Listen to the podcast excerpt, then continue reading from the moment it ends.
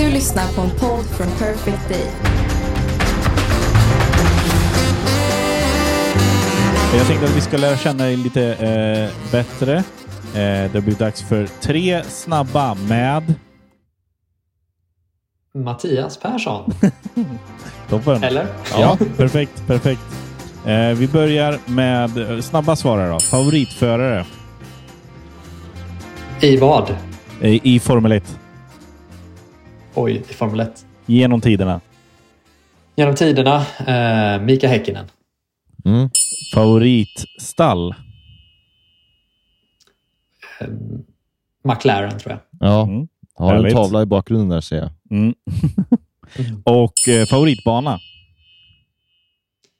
I världen eh, skulle jag säga Macau och i Formel 1 skulle jag säga Suzuka. Mm. Mm. Vad är Macau för bana då? Macau är ju, den är, det är ju det är den värsta stadsbanan som finns nästan. Där Felix vann där va? På Macau. Ja, han vann ju, eh, han har vunnit två gånger. Det är ju VM för Formel 3 har gått i Macau, en berömd stadsbana, väldigt Mm. länge. Eh, Nu har man inte kört det på grund av pandemin i några år, men eh, en fantastisk Formel 3-tävling i Macau utanför Hongkong i Kina. Mm. Den stadsbanan tror jag man enklast, man gör bäst i att helt enkelt gå in på Youtube och googla upp ett ombordvarv så tror jag man förstår vad det rör sig om. Ja, okej. Det är så Ja. oerhört tight att eh, ja, det går inte att köra, det går inte att köra Formel 1-bilar där ens. Nej, och Eh, Formel 3-bilar, är- Formel- det det är är så- fortfarande tight för dem. Ja, precis. Det, var ju, det, är någon, det är någon kurva där du måste ha en speciell styrväxel och liksom vrida om helt på ratten. Alltså. Ah. Så det de måste anpassa. Det är, det är riktigt tight. Och, det är sån, och sen är det även en, en sektion där som är oerhört snabb. Det är Mm. bara rakt och det är där du kan köra om. Annars är det bara... Snirklig. Ja, nej, men ja. Liksom, det, det anses ju väldigt meriterande att ha vunnit på Macau. Ja, Det okej. är få, alltså det är, Ja. man snackar, det är så här, Senna har gjort det, du vet. Det, Mm. Jag tror Rudell... Jag vet inte om han lyckades med det. Rickard vann, nitt- ja, han Rickard vann, vann, ja. det. Rickard vann ju 92 och så Felix vann 2014 och 2015. Det är de enda svenskarna som har vunnit Macau. Då. Just det. Det, är en, det är en extremt speciell tävling Mm. och kanske höjdpunkten liksom på hela racingsäsongen på många sätt i mina ögon. Mm. Um, Är det något särskilt, är- om man där- ska spana in ett race från, eh, därifrån, eh, är det något särskilt år man ska spana in? Eh, från Macaus Formel 3-race. Ja, Mm. Förutom de här åren när vi har haft svenska framgångar så är ju 2017 eh, väldigt speciellt Mm. år. 2018 också. Eh, olycksdrabbat. Många kanske har sett när Sofia Flörsch flyger väldigt dramatiskt in i en fotobunker. Mm, en olycka som var, fick väldigt spridning på sociala medier då, 2018. Ja, det är det värsta Eh, jag det är sett. från Macau. Mm. Ja, det är bland det värsta jag har sett också. Jag har själv stått i den där fotobunkern många gånger. Gjorde det bland annat dagen innan kraschen. Jävlar. Eh, väldigt obehaglig. Väldigt obehaglig, väldigt obehaglig krasch. Mm. Men även avslutningen utav eh, racet året innan 2017 Mm. tror jag många, många kommer uppskatta. Så Ja, det är några år i modern tid. Varje Mm. år, så de kör ju även GT-bilar där, och varje år har de verkligen som masskrasch med så 20 stycken. Som bara, man bara, men varför försöker ni ens med det här?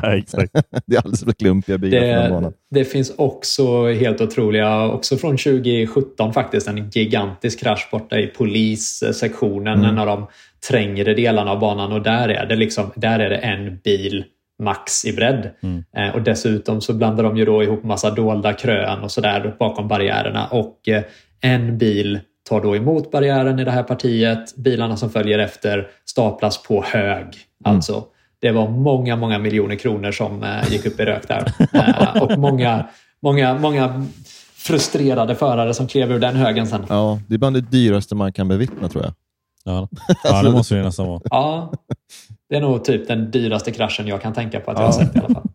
Ja, de är inte gratis de där GT3-bilarna, det är de inte. Nej, nej.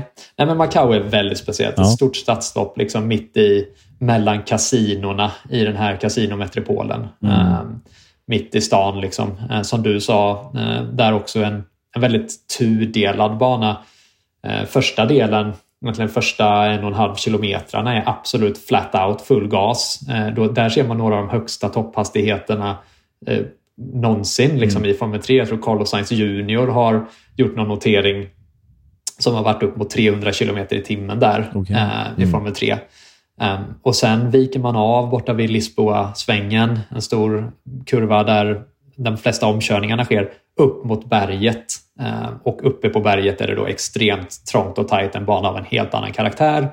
Och så kommer man ner i den här Melko-hornolen där du berättar en Mm. annan styrväxel som krävs. Där det också är konstant gul flagg. Alltså Ja, där får man inte ens försöka ett omkörningsförsök för det går inte att gå två bilar i bredd. Ja. Då, får, då blir det liksom stockning.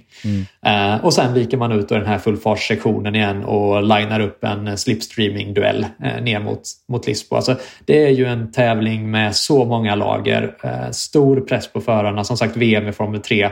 Eh, Max Verstappen har ju kört även det eh, loppet. Då. Eh, delade faktiskt pall med Felix där Just det. eh, 2014.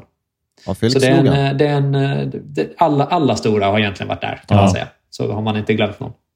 Ja, nej, men man brukar väl säga det. Vinner man på Macau, då har man en karriär sen. Oftast. Oftast. Nio fall av tio. Det är en dålig, dålig sägning. Ja, jag vet. Som håller ibland. Ja, nej, men, den är, men det är ändå så. Det är, det, är, det, är, det är det mest meriterande du kan göra i juniorklasserna. Typ. Det är ju liksom vinna Macau. Ja, det skulle jag säga. Det, det väger typ tyngre, eller har gjort i alla fall, eh, tyngre än att vinna hela mästerskapet lite grann. Ja. Så det, är, det är en riktigt häftig tävling faktiskt. Den här podcasten är producerad av Perfect Day Media.